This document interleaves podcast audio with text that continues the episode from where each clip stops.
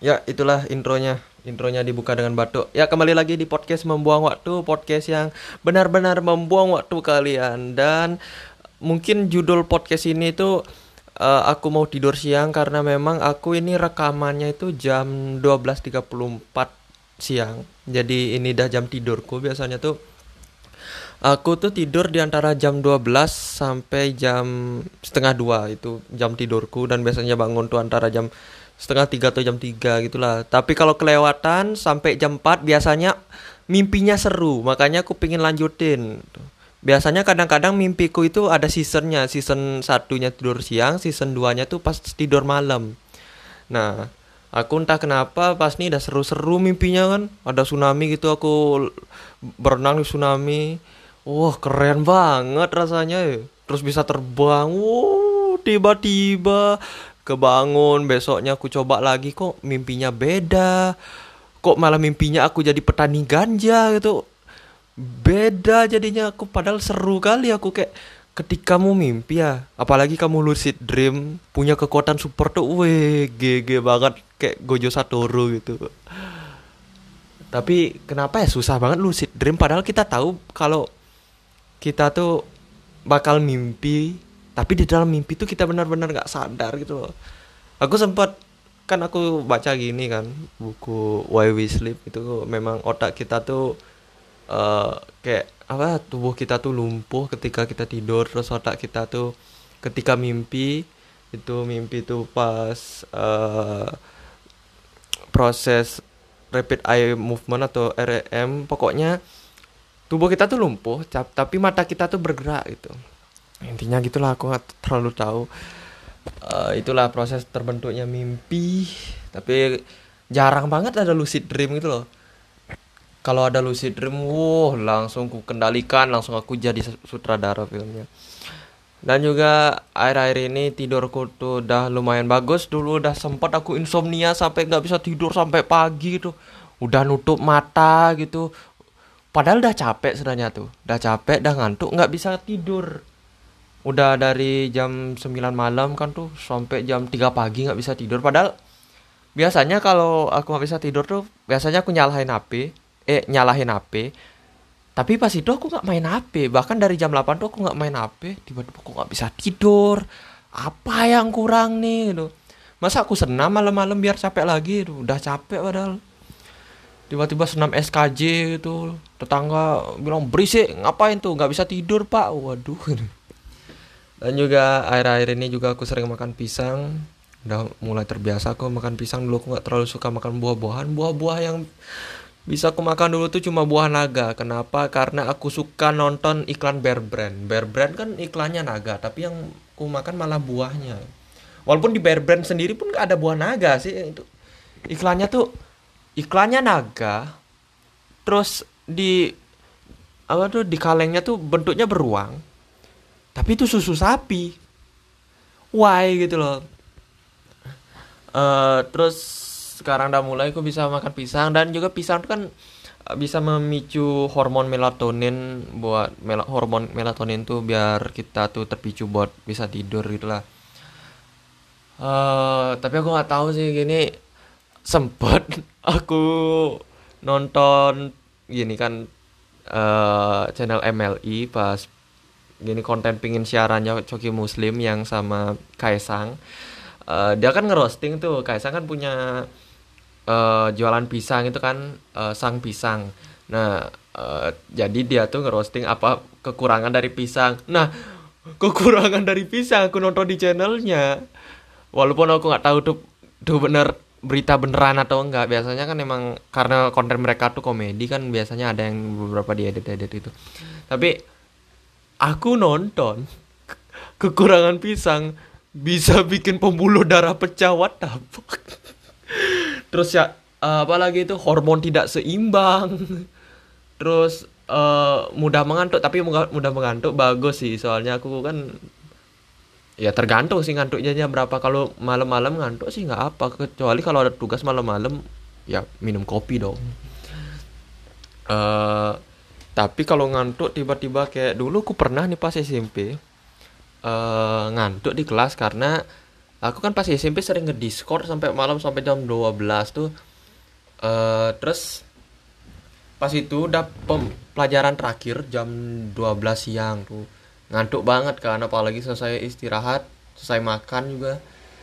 Uh ngantuk super ngantuk. Itu ada aku kan bawa tupperware. Tupperwareku itu isi air nah itu aku aku di kelas di tempat dudukku aku siram siramin muka aku pakai air di tupperwareku sampai basah di bawahku. Temanku bilang ah ke toilet aja. Ah nanggung nanggung gitu terus aku kan bilang sama temanku "Eh, a- aku mau tidur bentar gitu. Aku tidurnya tuh sambil sambil duduk tegak tapi mataku tuh tertutup gitu. Akhirnya kebablasan deh aku beneran tidur sampai kepalaku tuh jatuh ke atas meja gitu kan. Eh, temenku tuh aku udah sempat bilangin nanti kalau guru ngeliat ke aku bangunin aku ya gitu.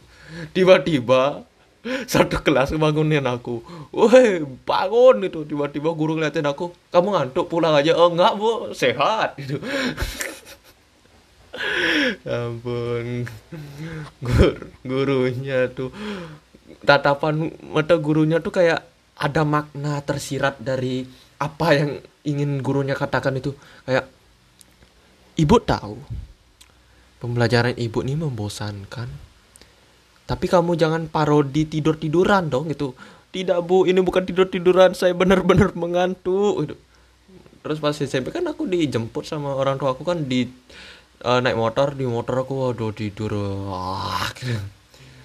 Tiba-tiba di motor orang tua aku ngerem mendadak wah bangun lagi. Nyawa hampir hilang pas tuh bayangin lagi tidur di atas motor ngerem mendadak. Wuh langsung segar nyawa aku copot. Eh terus untuk kali ini ada sebenarnya beberapa pengalaman yang baru mau aku share nih soalnya akhir-akhir ini semakin produktif sekali diriku walau tidak ada hasil. Ya apa namanya itu toxic productivity ya eh enggak deh toxic productivity itu eh apa deh definisinya coba cari eh toxic product productivity adalah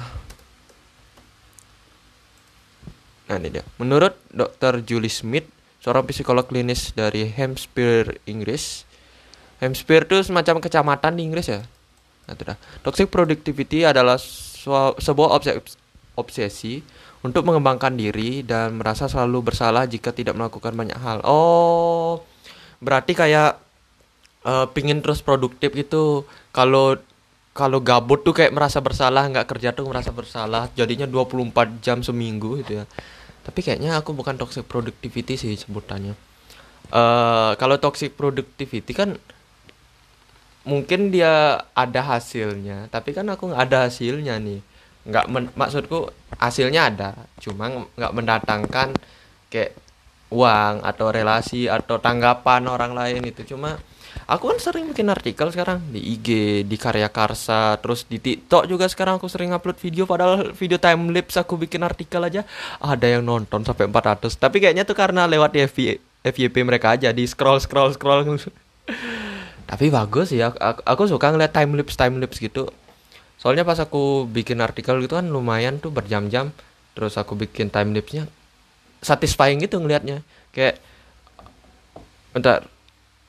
Oke eh enak gitu satisfying eh, ngelihatnya ketika kamu udah selesai ngeditnya kan dipercepat tuh videonya. Wuh keren kelihatannya kayak cepet gitu. Kayak kerjanya hewan apa gitu ya lupa semut ya enggak deh apa ya pernah aku lihat kayak itu. Eh terus oh ya di Twitter juga aku lumayan sering sekarang.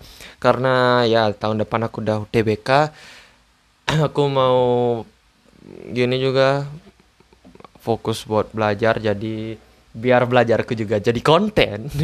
Jadi catatanku itu aku upload ke Twitter. Jadi aku punya konten tuh di Spotify di Twitter di TikTok di Instagram dan karya karsa jadi kelima itu aku udah sering banget upload. Bahkan setiap hari aku bisa upload di bisa dua atau tiga platform aku. Kemarin aja ada langsung tiga platform langsung aku upload.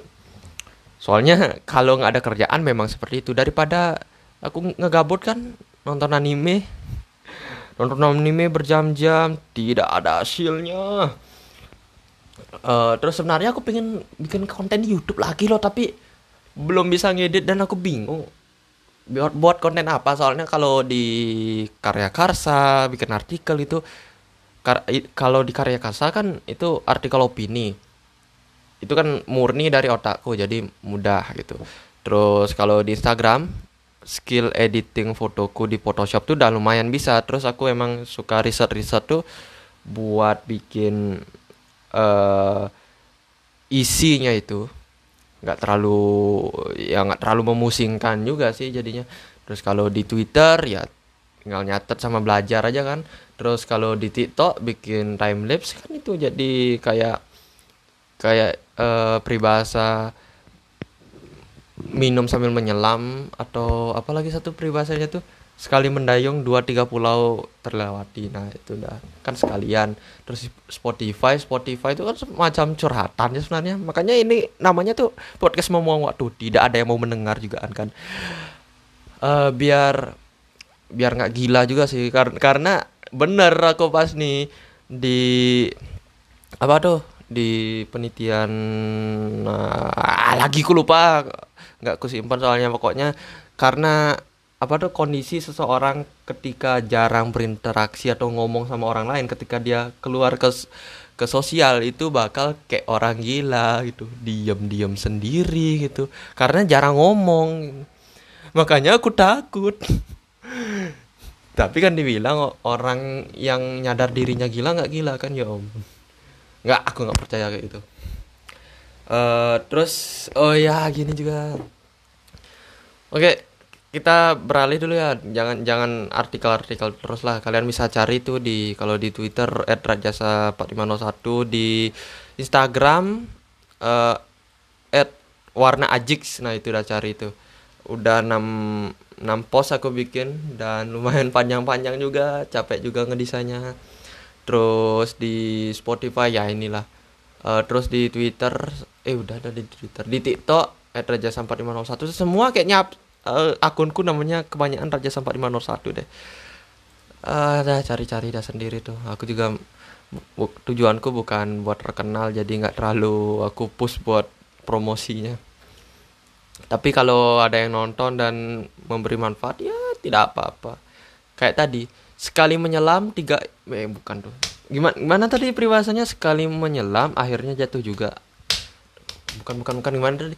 Sekali menyelam nggak ya tadi kan gini. Sekali mendayung dua tiga pulau terlewati. Lagi satu tuh sama artinya. Kok seringnya aku lupa?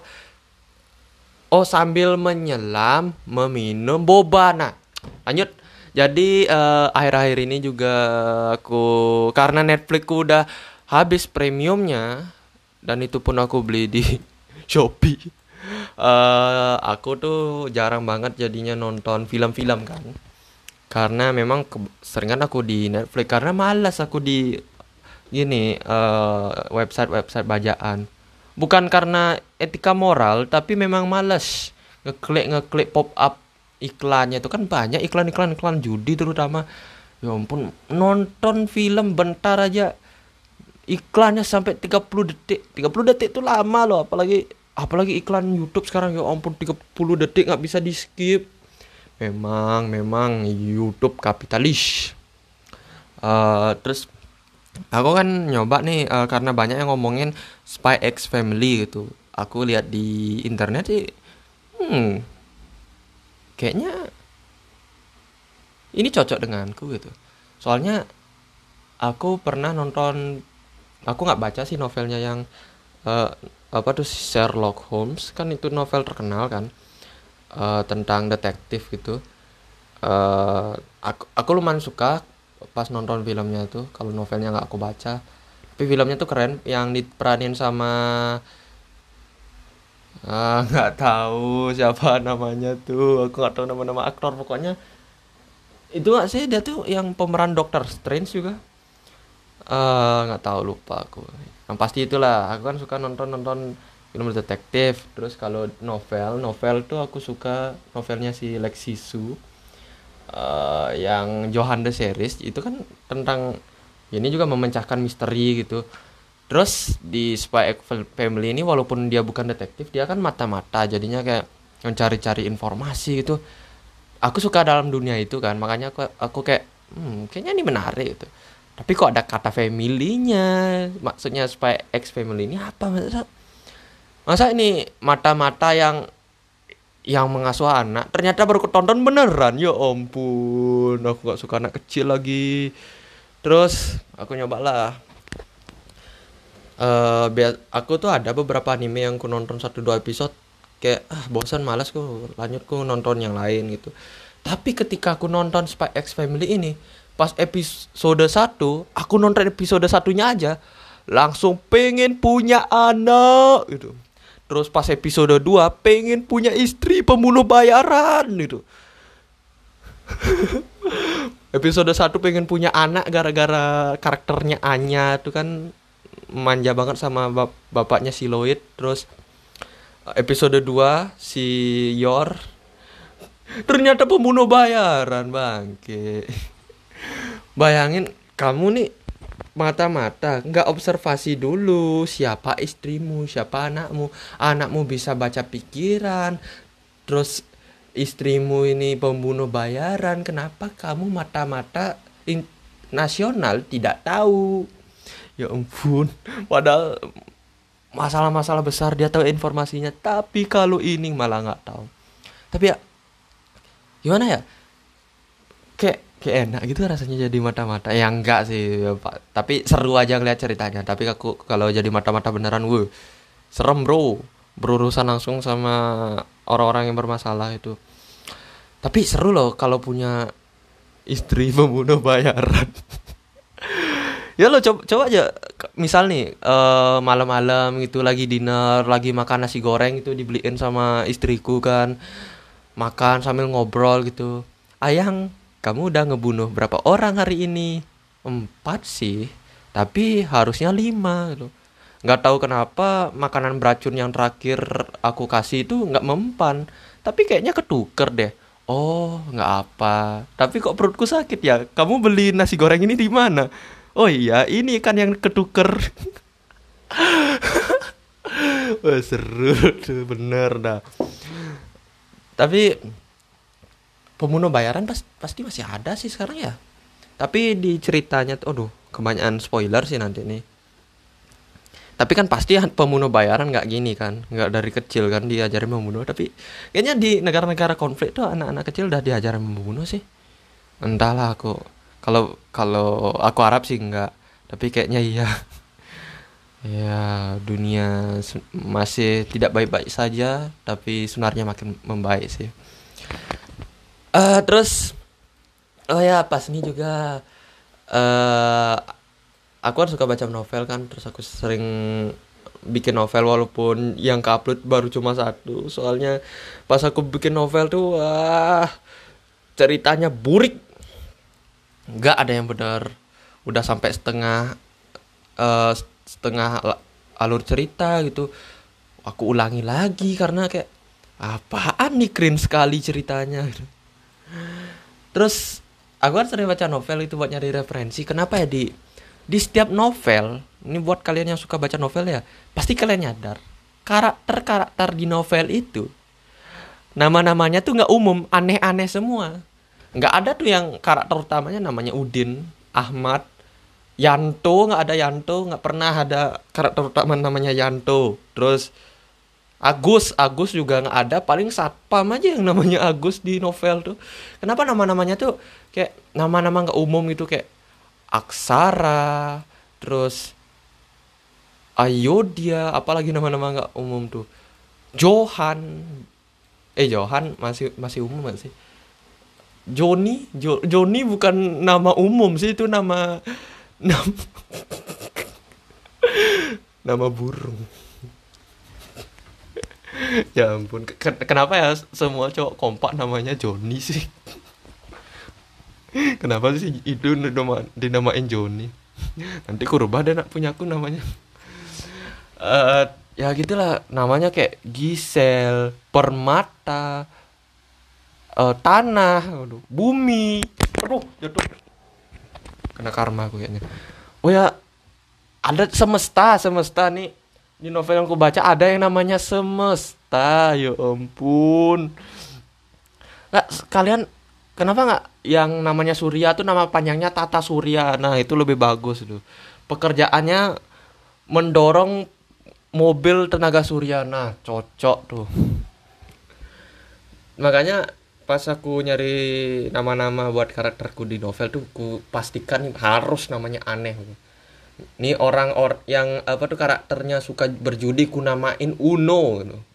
terus uh, yang apa tuh uh, karakternya yang pinter ku namain Menteri Pendidikan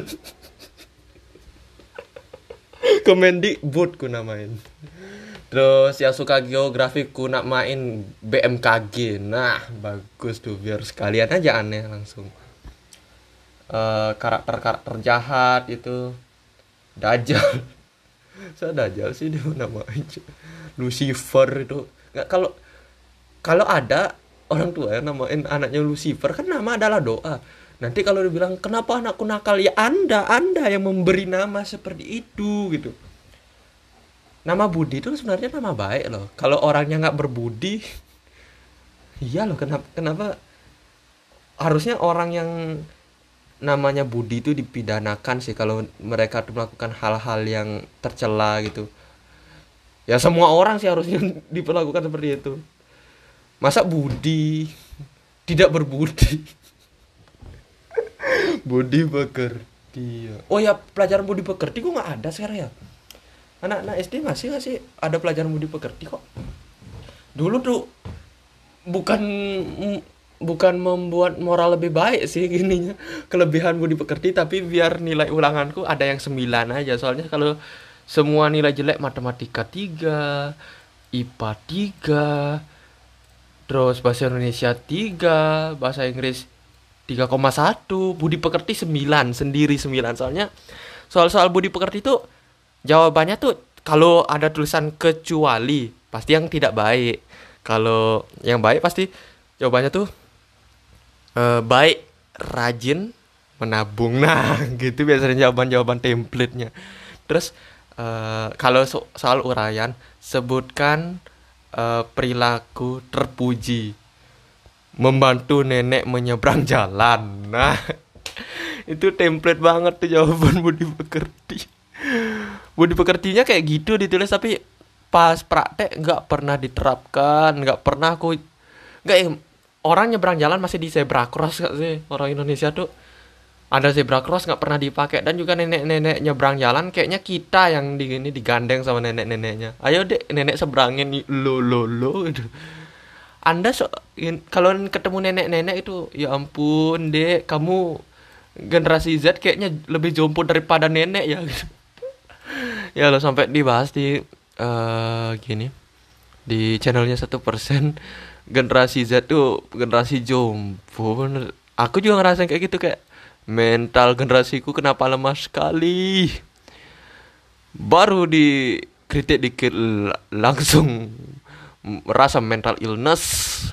Sering itu loh di aku aku sih nggak pernah lihat di TikTok tapi biasanya di biasanya kan yang viral-viral di TikTok tuh diupload ulangan nih sosial media lain.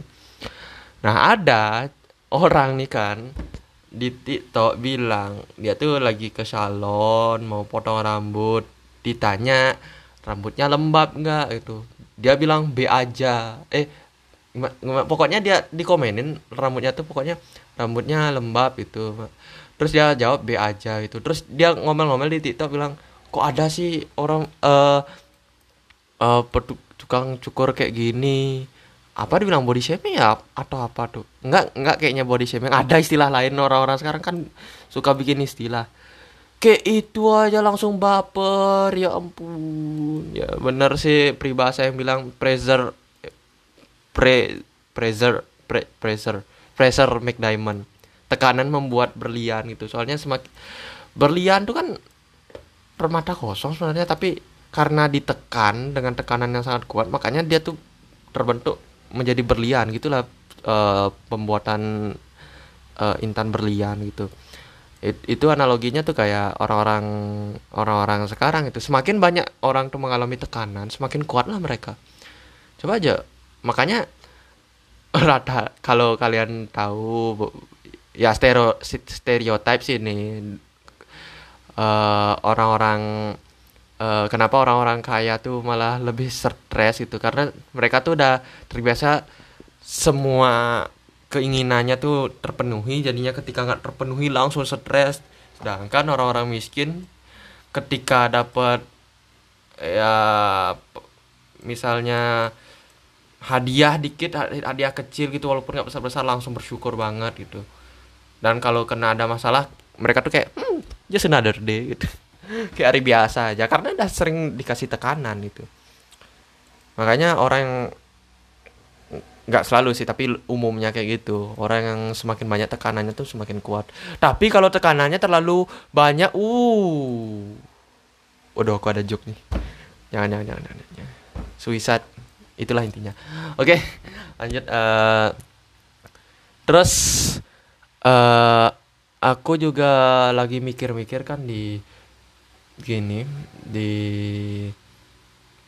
novelku itu mau kayak gimana gitu villainnya eh tokoh jahatnya tuh kayak gimana. Eh soalnya aku bingung tokoh jahat yang bener-bener sebenarnya tokoh jahat tuh rata-rata orang jahat yang tersakiti kan eh orang baik yang tersakiti makanya jadi jahat. Tapi sebenarnya kan di dunia nyata orang tuh pada dasarnya orang tuh nggak peduli dia tuh baik atau jahat?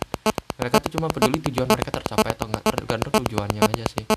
Dan mereka tuh punya alasan kenapa mereka melakukan tujuan itu. Kayak bahkan psikopat ya psikopat tuh kan mereka tuh punya alasan melakukan itu karena memang mental mereka seperti itu. Mereka terlahir seperti itu kan. Mereka terlahir memang membunuh adalah passion. Ya ampun. Aku belum pernah ketemu psikopat asli sih kalau ketemu mungkin nggak kelihatan ya psikopat. Karena kan psikopat tuh rata-rata mani- manipulatif kan? Itu sih yang aku baca. Eh terus ya ampun ada panggilan tak terjawab tapi nomor nomornya tidak ini nih. Nggak nggak aku catat kayaknya nih judi online lagi yang nelpon aku dulu. Pernah aku ditelepon sama judi online gara-gara salah ngeklik iklan pop up yang ada di sit- situs ilegal film itu kan. Eh, buat nyari nyari film bajaan tiba-tiba ditelepon aku halo kak kami dari judi ini mau nawarkan ini untung banget kak kami bisa dapatkan saldo. Ah gitu. Dosa he dosa aku gitu mending binomo binomo udah gak ada ya kasihan no. padahal tuh bagus iklannya. Jutaan orang tidak menyadari kalau saya sebenarnya susah. Eh, terus oh udah 28 menit aku udah makin mengantuk nih udah jam 1.02 eh ya lagi 10 menit aja dah Ah, abis nih aku mau tidur ngelanjutin mimpi pas nih. Mimpi apa aku pas nih ya? Oh ya aku mimpi lari tapi kok lambat banget larinya aku di mimpi. Ngapain aku lari-lari pasti ya? Aku sempat mimpi masuk ke game Dread Out tau nggak? Dread Out tuh yang siapa namanya? Linda kayaknya nama tokoh utamanya. Pokoknya dia tuh anak eh, Indihome. Indigo lah. Eh, anak Indigo eh, yang ngelihat hantunya lewat kamera iPhone. Nah itulah. Cari dah tuh Dread, Dread Out. Nggak masuk akal. Hantu takut sama flash iPhone. Kok bisa gitu loh. Oke nya gini. Hantunya tuh anti iPhone. Dia pengguna Xiaomi. Nah cocok tuh. Hantunya hantu Chinese berarti. Eh, terus oh ya aku mau ngebahas dikit tentang masalah COD COD nih aku kan lumayan eh, ya kadang-kadang lah gini eh, beli barang-barang online. Kadang-kadang COD kadang-kadang pakai kartu kredit walau kartu kredit orang tua aku sih. Nggak nggak aku nggak curi aku izin dulu izin. Nah eh, banyak banget orang tuh masih nggak nyadar. Sebenarnya nggak baca sih benar-benar kesel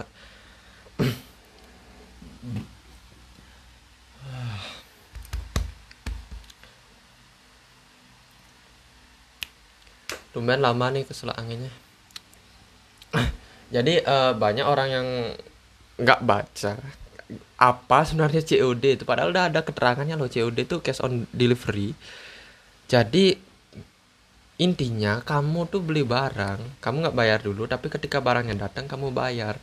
Entah itu barangnya salah atau enggak pihak kurir nggak bertanggung jawab. Karena kurir itu cuma distributor karena kayak kurir itu cuma pihak ketiga aja yang membantu uh, barang itu sampai ke tempatmu itu kayak cuma kayak kayak gini aja uh, misal nih kamu nitip beli nasi padang ke temanmu uh, terus kamu bilang uh, nasi padangnya jangan isi kare gitu.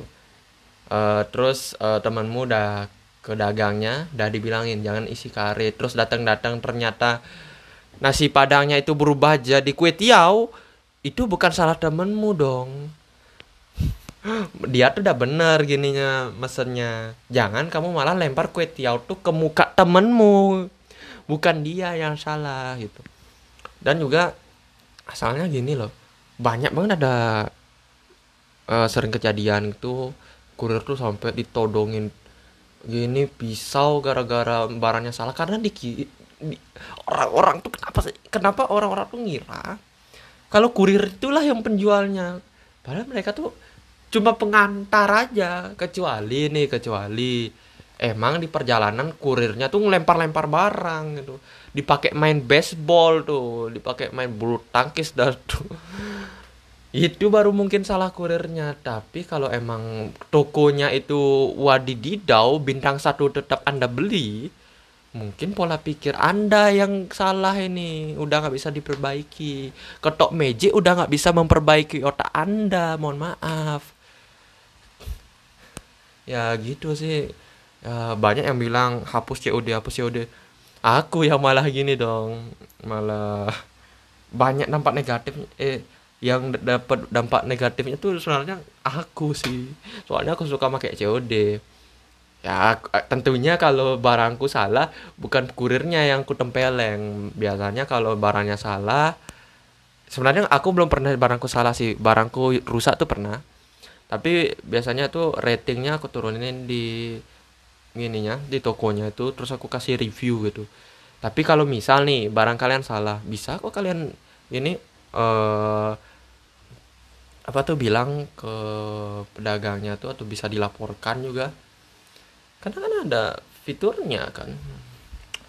Uh, terus kan ada juga tuh uh, terima pembayaran kalau misal kalian pakai kartu kredit kalau misal barangnya nggak sesuai tuh bisa gini apa tuh kalian tuh dapat uh, kayak semacam poin itu buat mengembalikan uang kalian gitu.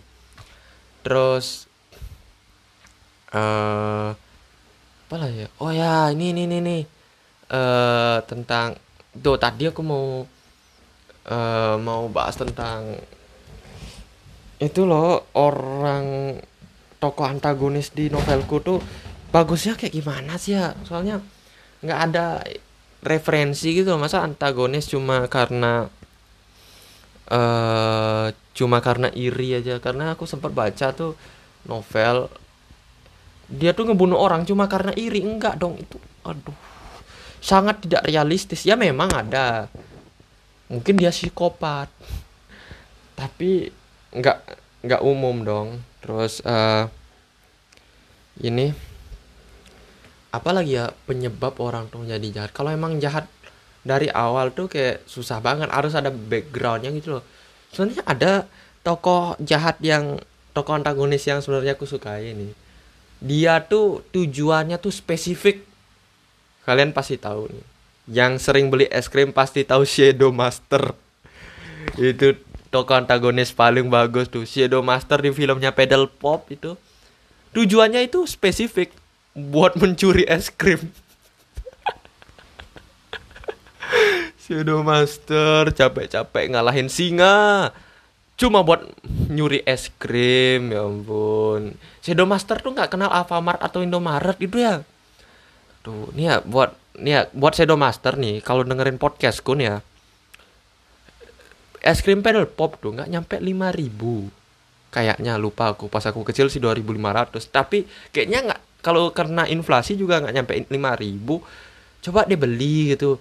Beli 5 dapat kaset loh Shadow Master tolong otak digunain. Jangan mata aja merah. Itu mata merah tuh karena keseringan main HP itu seringan main FF coba HP itu dipakai belajar gitu download Zenius Ruang Guru Brandly Pon oh bukan salah. Ya gitulah. Co coba pakai otaknya tolong Shadow Masters. Aku menghormatimu loh. Karena selera kita sama. Shadow Master kan suka es krim coklat yang apa nam dulu ada nama-nama es krimnya tuh es krim pokoknya ada elemen-elemen itu loh. Yang warna-warni tuh es krim uh, angin yang coklat tuh es krim tanah es krim api tuh yang apa tuh yang agak merah-merahan tuh es krim api. Wih gila singa mengarungi lautan naik ke atas awan cuma buat nyari es krim. Itu film terbaik tuh. Tapi pedal pop tuh film Indonesia gak sih coba coba ke sana uh, film pedal pop berasal dari negara sejarah diluncurkan ke publik pada tahun 1953 Hah? Oh, bukan. Merek yang berusia 50. Oh, merek adalah salah satu merek paling terkenal di Australia. Oh, pada tahun 2005 terdapat spin-off produk Pale Pop dalam bentuk camilan susu. Sejak tahun 2000 Pale Pop telah dihasilkan di Cina. Oh, ah, bentar. Paling terkenal di Australia, dihasilkan di Cina. Hah? Aku kira di Indo loh. Apakah film pedal pop buatan Indonesia? Nih, pedal pop es krim produksi PT Unilever Indonesia meluncurkan varian terbaru pedal pop pink lava. Nggak menjelaskan dong nih apa sih ini artikelnya. Film pedal pop apa saja lah. Oh ada banyak filmnya film pedal pop. Aku cuma nonton dua aja loh. Galactica Magilica Seberion Prita Combeti Al Elemegika Begins Begins 2 Dinotera Magilica Magilka tapi kok namanya tuh nggak Cina-Cina banget ya? Kan dihasilkan di Cina. Aku ngira nih dulu film Indo loh. Oh. Oh ya banyak. Oh dia sempat bertarung di laut juga Oh, pedal pop nih pencetus Aquaman berarti. Oke, oke, oke, mantap, mantap. Oh, pantesan. Wih, keren loh. Ah, oh, ini ini yang dulu aku beli gininya kasetnya nih. Dulu kan beli 5 5 es krim dapat kasetnya kan masalahnya. Aku beli es krim uh, beli 5 es krim kan. Pas aku beli nggak dapat kasetnya karena dah kehabisan stok. Terus beberapa minggu kemudian aku beli lagi akhirnya dapat kasetnya. Terus pas aku putar di rumah kok dah langsung konflik? Ternyata baru ku sadar yang ku dapat itu part 2 nya jadi aku itu nonton dari part 2 baru ke part 1 lagi ku beli kasetnya itu dan baru ku beli di pasar kan di pasar tuh sering ada jual-jual kaset bajaan gitu kan yang harganya sepuluh ribu. Biasanya kalau beli dua gratis satu. Nah itu dah. Aku dapet uh, kaset yang full part satu sama part 2 nya terus ngapain aku capek-capek beli es krim? Ya ampun. Uh, ya terus oh ya itu aja dah. Udah siang juga aku mau tidur nih udah capek juga tadi aku udah makan sambal banyak-banyak. Ya sambalnya walaupun tidak pedas karena uh, aku nggak tahu juga sambal apa yang dibikin sama ibuku. Aku ngelihatnya itu kayak bunga gitu loh kayak bunga apa kan bunga teratai gitu dipotong-potong. Seperti sambal dibilang sih sambal tapi nggak pedas. Kayaknya ini ini samu samu sambal munafik. Nggak ada pedas-pedasnya tapi aku gak suka pedas sih. Sekalinya makan pedas wow langsung jadi dragon. Oke. Okay. uh, udah itu aja dah. Uh, thank you ya udah mau dengerin uh, perbincangan sebelum tidur ini. Semoga kalian bisa tidur nyenyak dan bisa juga masuk ke mimpiku. Kayak SpongeBob itu kan bisa masuk-masuk ke mimpi orang sampai Gary pun kesal sama SpongeBob. Tapi aku pingin sih masuk-masuk ke mimpi orang. Langsung ku acak-acak langsung semuanya. Uh, oke okay, thank you uh, semoga hari kalian cerah walau sekarang lagi hujan. Oke okay, terima kasih